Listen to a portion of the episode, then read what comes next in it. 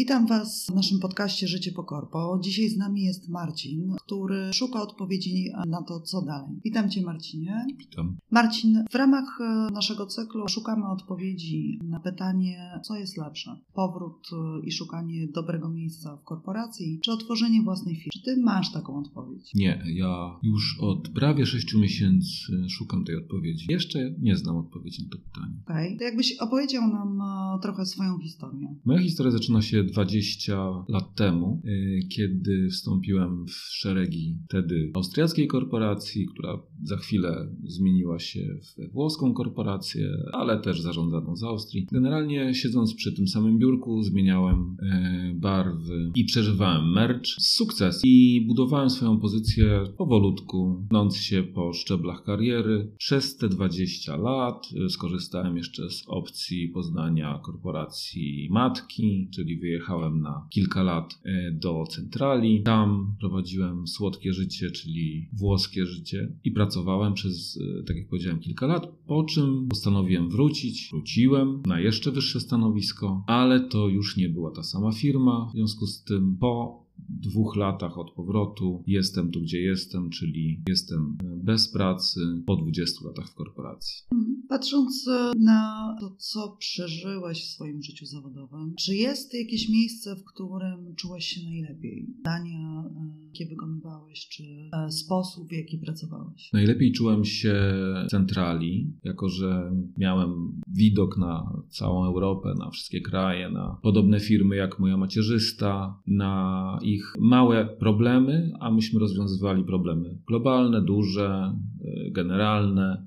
Robiliśmy wszystko dla całej sieci, ale też kultura pracy była zupełnie inna. Czyli już pierwszego dnia powiedzieli mi: przestań myśleć lokalnie, zacznij myśleć globalnie. I to myślenie globalne czasami polegało na tym, że nie robimy wszystkiego na już i na teraz, tak jak w mojej macierzystej firmy, firmie, yy, tylko jak coś ma zająć pół roku i mamy analizować sytuację przez pół roku, to będziemy ją analizowali przez pół roku. I nie będzie nikt nam mówił, że to musi być gotowe na już, na jutro, e, że musimy siedzieć w sobotę i dostarczyć jakieś Excele bądź opracowania. Tam szanuje się czas pracownika, no i e, pracuje się na wynik, ale zgodnie z planem.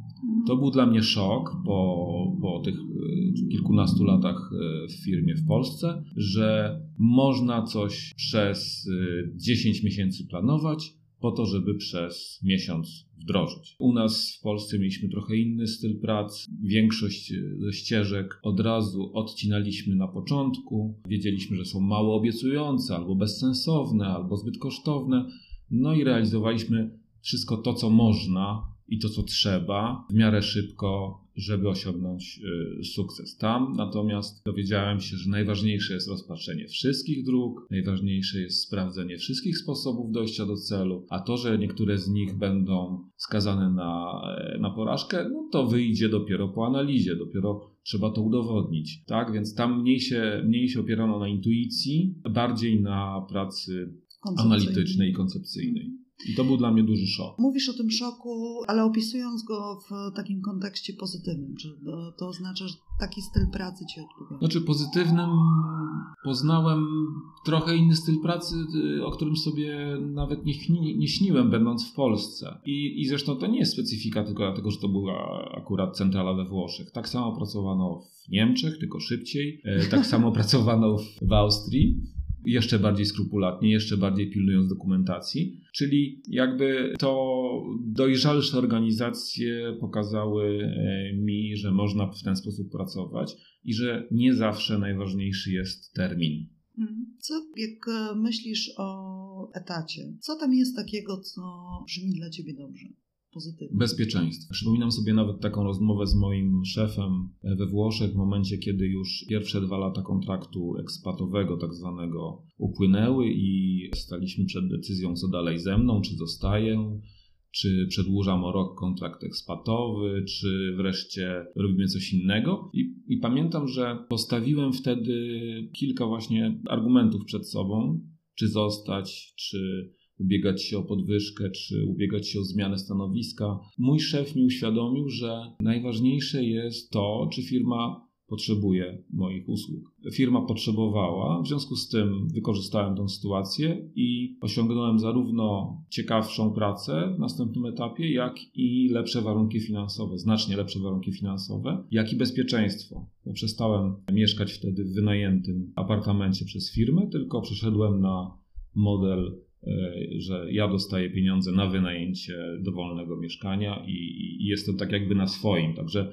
osiągnąłem duży, duży postęp w zakresie bezpieczeństwa i to y, zaspokoiło moje potrzeby wtedy. Okej, okay, mówisz o bezpieczeństwie finansowym, ale mówisz też o tym, że ciekawość zajęcia jest e, takim kluczem, który powoduje, że no masz satysfakcję z tego, co robisz. No tak, w informatyce wydaje mi się, że jest tak, że ludzie, którzy tam przyszli dla pieniędzy, czy dla kariery, czy z innych powodów, poza ciekawością i poza chęcią odkrywania nowych rzeczy, no nie mają szans. To jest praca, która powinna być hobby i na odwrót. I jeżeli jest inaczej, no to raczej y, taki człowiek by się, będzie się męczył.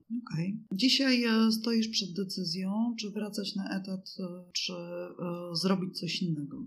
Jakie alternatywy widzisz przed sobą? To o tym myślę już od prawie 6 miesięcy, od momentu, kiedy stanąłem przed tą decyzją, że odchodzę. I to bardzo trudno odpowiedzieć jednoznacznie na Twoje pytanie. Wydaje mi się, że bardzo wiele przeżyłem już etapów. Pierwszy etap był w ogóle bardzo dziwny. Był to etap negacji, czyli a może by tak rzucić wszystko i udać się w Bieszczady, że tak sparafrazuję. Czyli w ogóle poczułem się, jakbym spadał bez gruntu żadnego pod nogami i nie wiedziałem, czy mam, czy mam się kurczowo trzymać tej pracy i, i próbować, nawiązując kontakty moje zagraniczne, które gdzieś tam miałem, jednak znaleźć sobie miejsce, czy mam obrazić się na tą pracę i, i wręcz o niej zapomnieć natychmiast, czy mam w ogóle zmienić branżę. Stałem w ogóle w, przed takim mętlikiem myślowym i, i naprawdę, nawet jak mnie ludzie pytali, co będziesz robił dalej, to, to mówiłem, że nie wiem, czy nie, czy nie zrobię sobie przerwy, na przykład wiem, dwuletniej czy, czy rocznej, w ogóle od szukania jakichkolwiek rozwiązań. Potem w drugim etapie rzeczywistość mnie przywołała do porządku i pomyślałem, no tak, może lepiej jednak skorzystać z kontaktów. Wysłałem do wszystkich moich byłych szefów i byłych szefów ich szefów informację o tym, że jestem wolny. Myślałem, że za chwilę ktoś odpowie, powie, że tak, super. W swoim wieku znajduje się pracę na takim stanowisku raczej no, dzięki znajomościom, a nie z naboru. W związku z tym za chwilę ktoś zadzwoni, powie Marcin, tu jest taka fajna nowa pozycja, otwieramy nowy dział, otwieramy digitalization, etc., etc. To nie nastąpiło. W związku z tym półtora miesiąca od złożenia wypowiedzenia zająłem się pisaniem CV. Mhm. I napisałem to CV. E, kolejny etap polegał na tym, że w ramach e, mojego outplacementu dostałem pomoc od e, headhuntera, który miał mi zorganizować jakieś oferty. Pomógł mi przy pisaniu CV, dodałem tam różne projekty, dodałem tam budżety, dodałem tam fajne rzeczy. No i CV było gotowe, zaczęliśmy liczyć na headhuntera. Poświęciłem dużo czasu na, na, spotkania z headhunterem, chodziłem na różne e, wieczorki, na różne śniadanka biznesowe, po to, żeby się przedstawić, e, dobrze sprzedać. No i to był taki okres euforyczno-liryczny, że tak powiem. Dużą nadzieję miałem z kolei, że to szybko zagra, mhm. no i też nie zagrało. Okay. Czyli dzisiaj e, ile czasu minęło od tego, Gdyby liczyć tak e, umownie, no to od końca okresu wypowiedzenia upływa trzeci miesiąc. Mhm. Natomiast jeżeli zaliczymy ten okres wypowiedzenia, który już inaczej e, był traktowany, już inaczej traktowałem swoje obowiązki wtedy, no to prawie 6 miesięcy. Okay. Ta droga, o której opowiedziałeś, jest taką, myślę, standardową drogą zmiany. Standardową o tyle, że rzeczywiście w tym pierwszym momencie, a szczególnie po 20 latach pracy, jest taka bardzo silna potrzeba, żeby na chwilę się wycofać z życia zawodowego i powiedzieć sobie, ok, odpocznę. To, co powiedziałeś, wyjadę w Bieszczady w cudzysłowie. To, co jest bardzo fajne, to to, że e, ten okres e, nie zajął ci długo, ponieważ e, to jest taki bardzo niebezpieczny moment w ogóle w szukaniu, w szukaniu miejsca i jakby budowaniu swojej wewnętrznej motywacji do działania. Natomiast rozumiem, że teraz przez te półtora miesiąca. Z jednej strony jest cały czas poszukiwanie tej oferty życia, a z drugiej strony zastanawianie się, co się wydarzy, jeśli ta oferta nie przyjdzie. Tak, przyszedł taki okres, kiedy zaczęły przychodzić odpowiedzi na moje wysyłane CV. Przez wiele tygodni miałem taki cel, żeby przynajmniej jedno CV wysłać codziennie na jakąś ofertę. I rozumiem, że w tej chwili wysłałem pewnie z 10-15 de facto. Przestałem już nawet notować komu. Mam to na szczęście w systemie gdzieś i w jakichś potwierdzeniach, ale nawet tak się trochę śmieję, że gdyby zadzwonili do mnie z jakiejś firmy, to najpierw musieliby mi przez minutę uświadamiać, o którą ofertę chodzi, o jakie stanowisko, o jaką branżę. E, natomiast zaczęły przychodzić odpowiedzi na te CV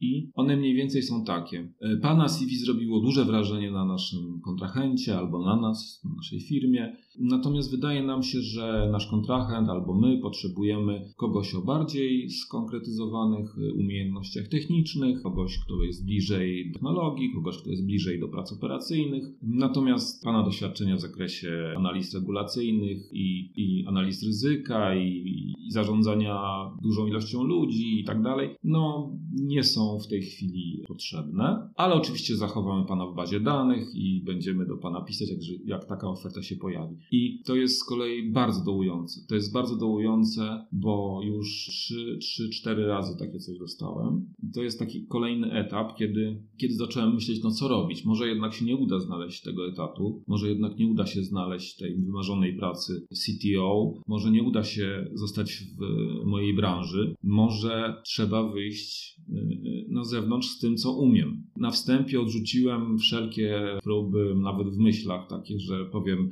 że teraz y, odkopię wszystkie moje doświadczenia, które 10 lat temu miałem i zacznę znowu administrować systemem, albo zacznę nową wersją Linuxa się zajmować, albo poznam szybko Kubernetes i będę artystą od integracji. Nie. Y, postanowiłem zająć się albo sprzedać to, co robiłem ostatnio w mojej firmie, czyli zacząłem pracować nad ofertą związaną z analizą e, regulacji rządzących dostępem do chmury dla branży finansowej. Okej, okay. zatrzymajmy się na chwilę, bo e, to, co może warto zrobić teraz, to jakby podsumować ten e, moment, o którym mówiłeś w ramach szukania pracy. Ja powiem Ci tak, że to, co jakby słyszę od Ciebie, to to jest też taka, myślę, lekcja, którą warto wziąć od życia, że bardzo często wysyłamy CV, poszukując pracy na stanowiskach gdzieś w zarządach, do e, menedżerów w Polsce. Prawdopodobieństwo, że znajdziesz pracę na takim stanowisku i że e, prezes odpowie e, na Twoje oczekiwania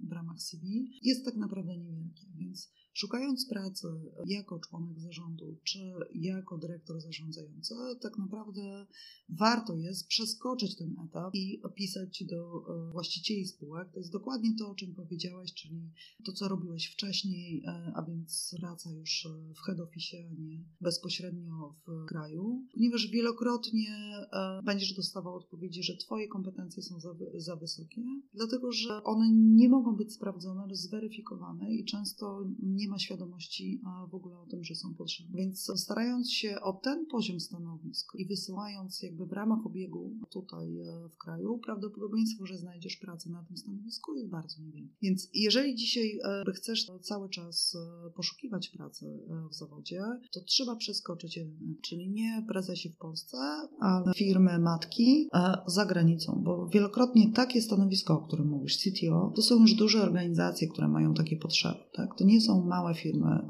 w Polsce, a więc nie ta droga w, w ramach poszukiwania pracy. Ja jeszcze nawet nie doszedłem do, do, do takich rzeczy jak pisanie wprost do zarządu. No, tych, których znam, to oczywiście to mówię w etapie drugim, tak, ale do takich, których nie znam z oferty, czyli nie doszedłem do tego, że przeskakuję Huntera albo przeskakuję dział HR. Jakoś nie, nie, nie odkryłem jeszcze tej drogi, nie, nie próbowałem. Natomiast potwierdzam to, co mówisz, ponieważ bardzo często jeszcze na polskim rynku występuje taki to się pięknie mówi po angielsku, mis, misnaming, czyli ktoś pisze, że potrzebuje dyrektora technicznego albo, albo dyrektora Departamentu Infrastruktury IT, po czym w wymaganiach jest napisane, że ta osoba będzie odpowiedzialna za administrowanie systemem Linux, za administrowanie systemem backupu, za utrzymywaniem, utrzymywanie sieci komputerowej, etc., etc. I w momencie, kiedy ja dochodzę z taką firmą do, e, już do etapu rozmowy, i to nawet w mojej branży miałem taki ostatnio epizod, że e, zostałem zaproszony do etapu rozmowy z HR-em i z dyrektorem IT firmy z mojej branży, dowiedziałem się, że no to ładnie, że miałem taki, miałem taki dział, który się zajmował architekturą i robili to i to i to. Natomiast y, oni nie mają takiego działu i chcieliby go stworzyć. No to powiedziałem, że ja jestem idealnym kandydatem, żeby stworzyć taki dział, bo, bo robiłem to w poprzedniej firmie, miałem identyczne zadanie. No i dostałem odpowiedź po jakimś czasie, że jednak mnie nie wezmą, ponieważ chcieliby, żeby ktoś mi stworzył taki dział, ale równocześnie w ramach tego tworzenia, żeby był głównym architektem, żeby tworzył już e, architekturę systemów, żeby tworzył architekturę integracyjną, czyli żeby był sobie sterem i okrętem i jeszcze, żeby pracował na dwóch e, stanowiskach i, i w dwóch funkcjach. No i to wydaje mi się, że to jest powszechne w Polsce, że ludzie, nie wiem, albo przesadzają z prestiżem stanowiska po to, żeby przyciągnąć ludzi, którym zależy na prestiżu, albo przesadzają z ilością prac, że tak powiem, hands-on, organizacyjnych, e, e, która, które ta osoba ma robić, bo nie wiedzą, po co im w ogóle jest menadżer.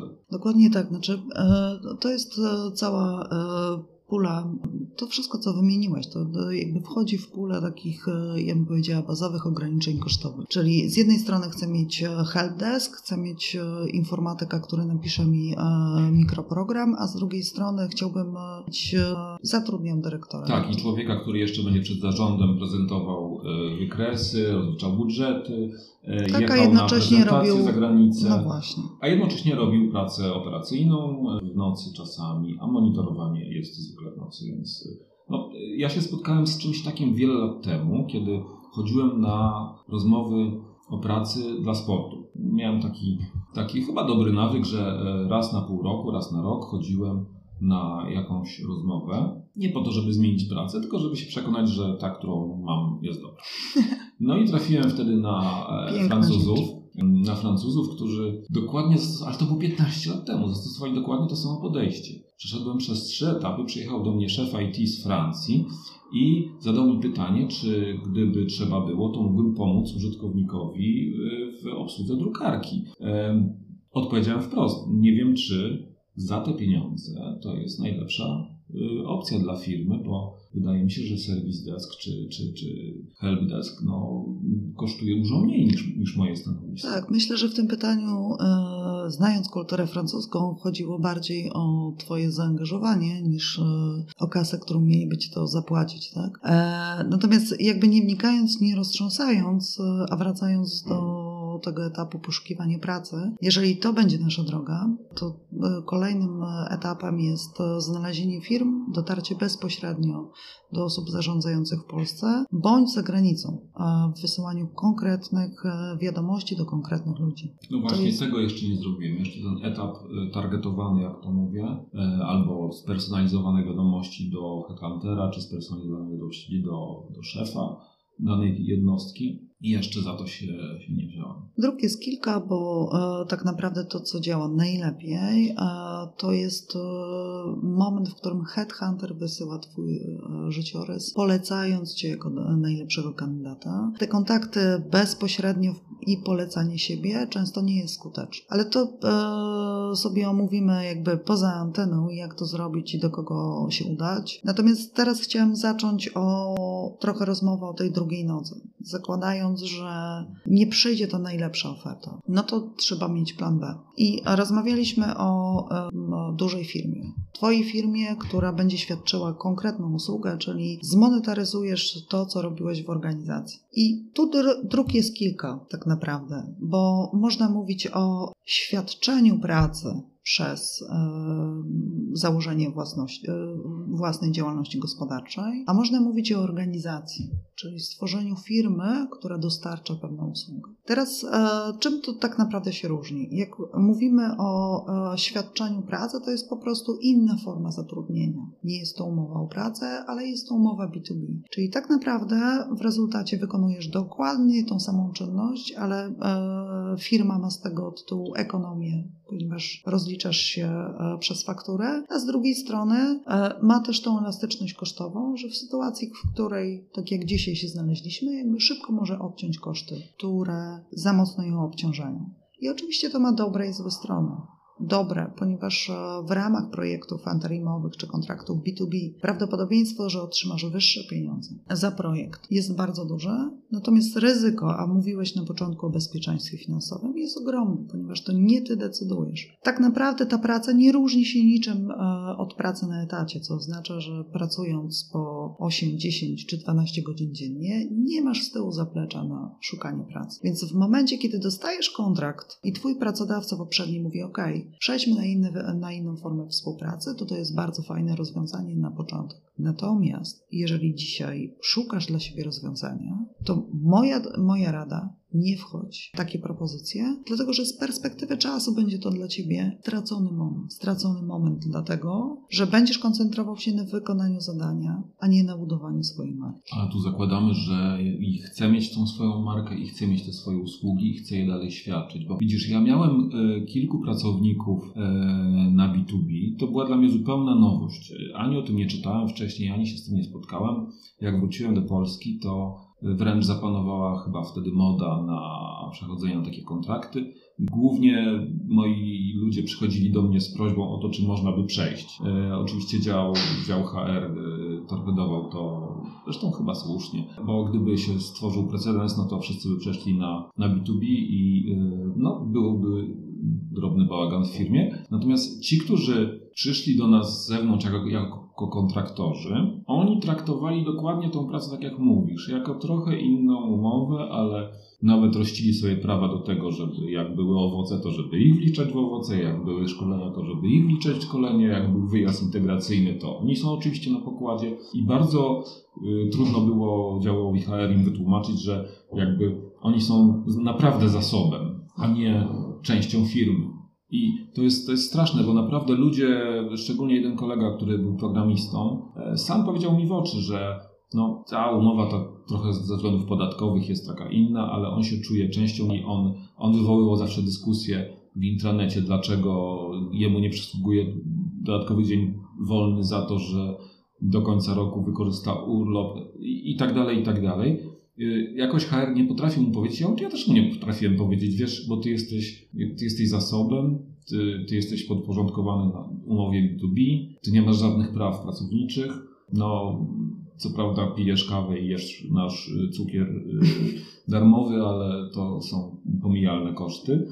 I grasz w nasze piłkarzyki, ale tak naprawdę to powinieneś zachować się tak jak inny kolega, który zaproszony na y, wyjście integracyjne na piwo, pod koniec imprezy wstał i powiedział, że on zapłaci za siebie, bo on jest na B2B. Czym wywołał oczywiście konsternację, no bo atmosfera była fajna i się trochę zepsuła. zepsuła. Tak. Dla mnie to był po prostu inny rodzaj umowy, natomiast nie bardzo rozumiałem, po co to wszystko jest, bo oni pracowali zwyczajnie, wcale nie pchali się ze swoimi usługami, wręcz prześcigali się w tym, żeby przejść z bycia kontraktorami zatrudnionymi przez headhuntera, czy tam przez firmy, które udostępniają y, kontraktorów, na umowy bezpośrednie, no bo wtedy jeszcze więcej pieniędzy trafiało do nich bezpośrednio, bez tej, bez tej marży. I, i, I tyle. Natomiast jak pracowali, to byli skrupulatni, yy, można było na nich polegać, wypełniali timesheety, yy, wypełniali zadania. Nie było żadnej obstrukcji, i, i, i, która była czasami widoczna u innych pracowników. Tak? Okej, okay, Marcin, ale e, bo tutaj rozmawiamy trochę o kulturze pracy, natomiast e, mm, umowa B2B e, dla pracodawcy ma jedną korzyść. Nie ma kosztów dodatkowych kosztów pracy, tak, związanych z wynagradzaniem. A później w jaki sposób wciąga firma pracowników, bo to są tacy sami pracownicy dostarczający, często wykonujący bardzo mm, podobne e, cele, to już jest e, jakby e, osobna, osobna rzecz i myślę, że osobny temat tak naprawdę do dyskusji. Chyba ciekawy temat, bo to, jak ramię w ramię pracuje pracownik na B2B i pracownik nie na B2B, tylko na etacie i jak to jest postrzegane generalnie w firmie, no to, to jest bardzo ciekawy temat. Tak, to prawda. Ale dzisiaj skupiamy się na Twoim życiu. Będziesz miał taką definicję umowy B2B, jaką Ty sobie określisz, w ramach oczywiście negocjacji warunków z pracodawcą. Jak będziesz chciał wstać i zapłacić za piwo, Twoja wola. Natomiast wracając do punktu wyjścia, umowa B2B dla pracodawcy jest e, tylko i wyłącznie wartością elastyczności kosztowej. Dla Ciebie jest pętlą na szyję, bo to jest czas, którego nie wykorzystujesz na to, żeby znaleźć kolejny projekt. Czy w ramach interim managementu i kolejnej umowy B2B, czy w ramach zbudowania siły swojej firmy po to, żeby poszukiwać klientów i nowych zleceń.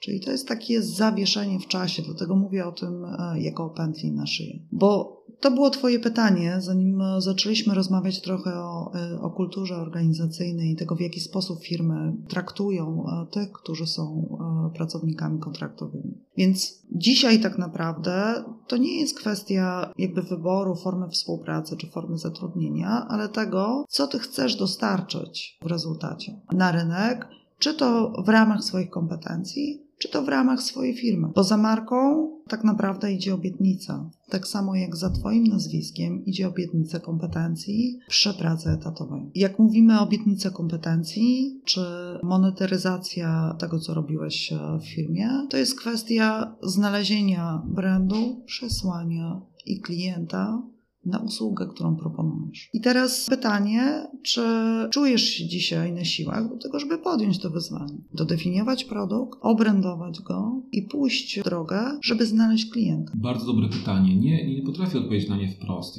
Wydaje mi się, że w, mojej, w moim podejściu takim chyba korporacyjnym jeszcze, najpierw trzeba mieć produkt, żeby go sprzedać. Czyli brandowanie, marketing, etc., etc., to przychodzi później. Ty mówisz, że najpierw trzeba pomyśleć o tym, jak ten produkt będzie wyglądał, dla kogo będzie i dopiero go stworzyć. Czyli tak jakby trochę y, odwrotnie. Mój produkt jest w mojej głowie, natomiast wydaje mi się, że tak naprawdę sprzedam go w momencie dostania pierwszego zlecenia bo wtedy ten produkt się zmaterializuje, wtedy powstanie dokumentacja, wtedy powstaną rozmowy, spotkania, notatki. To, co dla mnie jest elementem tego produktu. Dopóki to się nie stanie, czyli dopóki nie będę miał zlecenia, a, a tak jak Ci mówiłem poza anteną, pracuję nad tym, żeby to zlecenie dostać, czyli miałem przyrzeczenie zlecenia już, już trochę kilka tygodni temu, to na razie nie nastąpiło, mam nadzieję, że cały czas nastąpi. W związku z tym nie rozpocząłem pracy nad produktem do szuflady. Nie potrafię jakoś sobie wytłumaczyć, że jestem w stanie tak codziennie wstawać o dziewiątej, siadać i pisać, nie mając przed okiem, przed oczami tego zleceniodawcy, nie mając przed oczami jego firmy, nie mając przed oczami jego procesów, nie mając przed oczami jego problemów z regulatorem. Nie potrafię jeszcze zmusić się do takiej pracy czysto koncepcyjnej, bez posiadania celu. To chyba wynika z tego, że w korporacji cel jest nadany z natury. Tak. To co, są dwie rzeczy takie istotne, które powiedziałaś. Jedna to jest o sposobie pracy, a druga to jest o samym produkcie i jego definiowaniu. Powiedziałaś e, o tym, że najpierw musi być cel, musi powstać zlecenie, żeby było rozwiązanie. Tak, zgadzam się z Tobą że musi być e, zlecenie, żeby dobrze dodefiniować rozwiązanie. Natomiast produkt na wejściu to jest konkretna usługa, czyli to, co się wydarzy po jej wykonaniu u klienta. To nie znaczy, że tam ma być bardzo głęboka analiza i wielkie rozwiązanie, ale jeżeli podejmiesz e, współpracę i zaczniesz ze mną pracować, to w rezultacie w Twojej firmie zmieni się to, a ja to zrobię w taki sposób. Czyli nie mówimy o tym, że tam ma być rozwiązanie technologiczne w środku środku, ale e, Twoje procesy będą w chmurze. Twoje procesy pracy zostaną, e, z, na nich zostanie zbudowana efektywność, nie wiem, 20-30% wyższa. Dane Twoich ludzi będą i klientów będą bezpieczniejsze. Czyli to są te argumenty, sprzedażowe, które ty używasz do tego, aby twój produkt sprzedać, co nie znaczy, że tam już jest konkretna idea, która jest zaszyta, bo rozwiązanie budujesz u klienta. Siłą małych firm jest adoptowalność i elastyczność, więc tego nie warto zabijać, ale ty musisz dać pewną obietnicę, klientowi, czyli e, informacje o tym, co on może zyskać. Więc to jest Twój produkt. Rozumiem, do tego nie doszedłem. Na razie, wiedząc, że mój produkt jest łatwo psujący się, w cudzysłowie, czyli im dłużej ja mam ten produkt w głowie, tym bardziej ktoś inny taki produkt usiądzie, stworzy, zacznie sprzedawać masowo, albo wyczerpią się już y, potrzebowania na, na taki produkt. No bo moja branża to nie jest nieskończona branża. Tak? Jeżeli taką analizę i taką strategię chmurową zrobi sobie już 15 firm w oparciu o innych ludzi, to zapotrzebowanie na moją pomoc spadnie. W związku z tym to jest takie samo napędzające się koło, że im bardziej ja myślę nad perfekcjonizmem tego produktu i co on powinien zawierać i tym kiedy, zmniejsza kiedy się, szansa Tym zmniejsza mi się szansa realizacji niestety, bo nie pracuję, tak jak powiedziałeś, nad tym, żeby go sprzedać, nad tym, żeby go y, nawet rozreklamować, tylko pracuję nad tym, co się stanie, jak to zlecenie przyjdzie. Dokładnie tak. I teraz e, założenie firmy to jest właśnie odwrócenie tego procesu. Z jednej strony, e, z jednej strony to jest ta potrzeba wstania rano e, i samodyscypliny i to jest jeden podstawowy klucz do tego, żeby osiągnąć sukces prowadząc własną firmę. To jest trochę tak, że tu nie ma motywatora zewnętrznych, a więc determinacja jest równa sukcesowi. I pytanie pierwsze warto sobie zadać, czy przez ułożenie kalendarza znajdę dzisiaj tą determinację, żeby wstać o godzinie siódmej, usiąść do biurka o dziewiątej i oczywiście w tym najbardziej perfekcyjnym trybie pracy dla ciebie dokończyć zadania i targetować je dla samego siebie. I to jest jakby pierwszy etap w odpowiedzi na pytanie, czy firma jest dla mnie. Druga rzecz, która jest krytyczna, to jest to, czy ja lubię sprzedawać. Dlatego, że nieodłącznym elementem posiadania własnej firmy jest sprzedaż. Jeżeli mówisz, że to nie jest dla ciebie, to masz dwa rozwiązania. Pierwsze, znalezienie partnera, który to uwielbia i rozumie to, co robisz, a drugie, porzucić ideę własnej firmy. Nie wiem, czy lubię sprzedawać, czy nie lubię. Lubię kupować. Jestem idealnym kupującym, ponieważ nie narzekam, nawet jak towar jest niepełnowartościowy albo nie pasuje, to ląduje gdzieś w piwnicy albo na śmietniku Natomiast nie chcę zrobić kłopotu i przykrości sprzedającemu. Przez te wiele lat spotkałem bardzo wielu sprzedawców. Przez ostatnie dwa lata praktycznie się od nich opędzałem, tak? Bo codziennie, codziennie wysłuchiwanie tego, co potrafią przynieść i zmienić i zrobić, jak tylko z nich skorzystamy, e, powoduje, że po jakimś okresie czasu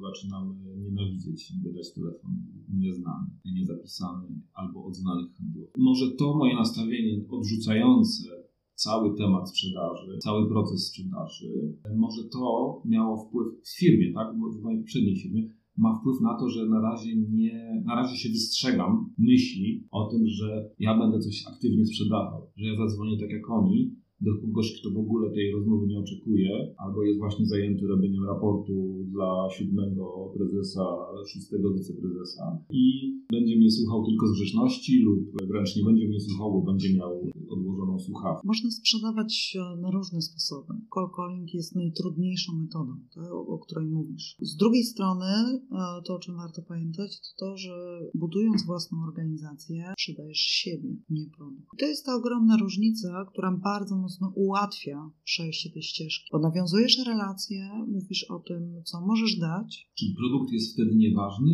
Ważne jest, jak ja go sprzedam. Czy zbudujesz zaufanie mhm. do kompetencji, że potrafisz go stworzyć i wdrożyć. Czyli pierwotną rzeczą jest zmiana, jakiej możesz dostarczyć. Potem jest to, czy potrafisz to zrobić, a dopiero potem jak wygląda produkt. I o tyle to jest łatwiejsze, bo nawiązujesz relacje współpracy, relacje zaufania, a nie sprzedajesz e, produkt e, zgodnie z tym, o czym powiedziałeś przed chwilą, że wygrał pan podróż dookoła świata, musi pan tylko zgłosić się do hotelu i kupić komplet garnków albo odkurzacz. Tak? Nie to jest droga, ale sprzedajesz siebie. Dla jednych jest to bardzo proste, a dla drugich wręcz niemożliwe. Czy lubisz opowiadać o sobie? O tak godzinami. Okej, okay, dlatego ten e, podcast trwa tak długo. Okej, okay, więc może jeszcze nic straconego. Poza anteną przerobimy ten proces tak, żebyś e, wiedział, jak sprzedawać, jak tą relację budować, żebyś mógł spróbować swoich sił i ocenić, czy to jest dla ciebie, zanim e, podejmiesz decyzję o tym, że zakładasz własną firmę albo do końca ją odrzucisz. Wiesz co, nawet teraz mi przyszło takie, taka myśl, że ja zatrudniłem bardzo wielu ludzi w mojej historii, prawie zawsze z dużym sukcesem i dla mnie, i dla firmy. Natomiast oni, jak to w IT, niektórzy byli introwertykami, w ogóle nie do rozmawiania, nie potrafili sprzedać siebie, nie potrafili rozmawiać o tym, co robią. E, trzymali to bardzo skrycie, ale w momencie, kiedy odeszli z korporacji, założyli własne firmy, przemogli się, sprzedają, występują, nagrywają, prezentują. Byli u mnie dwa lata temu i rok temu moi byli pracownicy już w roli sprzedających rozwiązanie swoje i ja widziałem tą szaloną przemianę w tych ludziach. Zresztą ich byli koledzy się nawet z tego trochę podśmiewali, bo nie można było w ogóle powiedzieć, że to jest ten sam człowiek. Kiedy wchodził w rolę sprzedawcy, prezentera, opisującego swoje rozwiązanie, opisującego swoją usługę, to nie byli ci sami ludzie, którzy wcześniej u nas pracowali i ciężko było y, ich, że tak powiem, zaprosić na papierosa nawet. Więc tego nie promujemy. Rację, że, że można to sobie odkryć. Nie wiem, czy w sobie to... Okej, okay, więc zawieźmy na razie to pytanie. Jakbyś miał podsumować tą godzinę naszej rozmowy, co byś powiedział? Powiedziałbym, że bardzo się dobrze czuję po tej godzinie, że dużo mi pomogło to, żeby komuś o mojej sprawie opowiedzieć. Wydaje mi się, że temat odchodzenia od korporacji nie jest dobrze znany i nie jest, nie jest oceniany z tej perspektywy, że jest to bardzo duża zmiana i nie tylko zmiana na koncie, brak, brak wypłaty, ale zmiana psychiczna, brak ludzi, z którymi pracujemy od wielu, wielu lat. Ja nie jestem skoczkiem, ja nie zmieniałem firm co dwa lata, ja nigdy wcześniej nie szukałem pracy. Praca zawsze znajdowała mnie. W związku z tym dla mnie jest to podwójnie nowa sytuacja, ponieważ uczestniczenie po stronie sprzedającego się w procesach HR-owych, a nie tego, który zatrudnia, e, uczestniczenie w pozycji sprzedającego jakąś usługę, a nie tego, który ją kupuje, jest to dla mnie zupełnie nowe doświadczenie. Ale jak widać w tej branży na, e, na stare lata i na każde inne lata trzeba cały czas się uczyć, bo nic nie jest wieczne. To prawda, nic nie jest wieczne, jest to bardzo duża zmiana, ale jak każda zmiana jest ogromną szansą, jeżeli się ją dobrze przeprowadzi i dużym zagrożeniem, jak się nie zobaczy e, tego, co e, jest kluczowe dla tego procesu zmiany. Bardzo Ci dziękuję za to dzisiejsze spotkanie i do usłyszenia na następnym. Ja Tobie również i witam i żegnam Was wszystkich. Oh, thank you.